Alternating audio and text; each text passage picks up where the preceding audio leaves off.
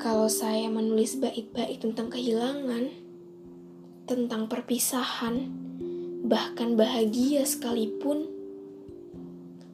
saya hanya punya tuan dan puan yang menjadi andalan saya. Selain kata lelah mengadu dengan Tuhan, hmm, entah saya menulis itu karena senang atau saya hanya puan yang kehilangan tuannya. Menurut saya, tuan yang kini hadir tidak akan lebih dari itu. Dan tersadarkan bahwa saya bukan puan yang kehilangan tuannya,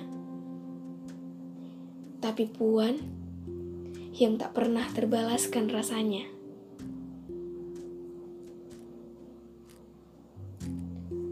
Puan yang selalu berdiri takzim di ambang pintu rasa, ragu mengetuk,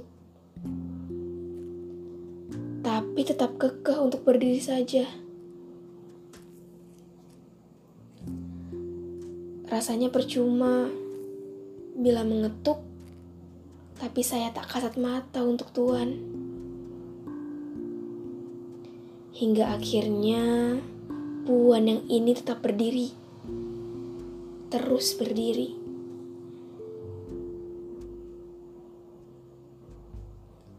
Lama sekali sampai Tuhan benar-benar membuka pintu rasa. Terhenyak aku sebentar. Menunduk, tak bisa terangkat.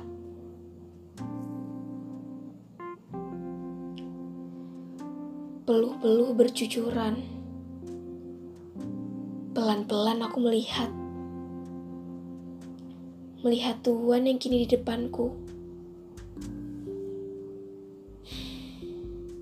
Sudah kuduga Aku hanya puan tak kasat mata. Aku puan yang tak kasat mata untuknya.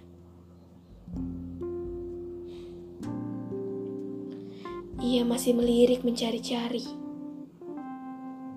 Mencari puan yang datang untuknya. Aku, Tuan. Aku datang di sini. Mari bersorai. Setidaknya sambut aku. Puan yang lama menunggu rasamu hingga akhir menjadi rapuh untuk pergi.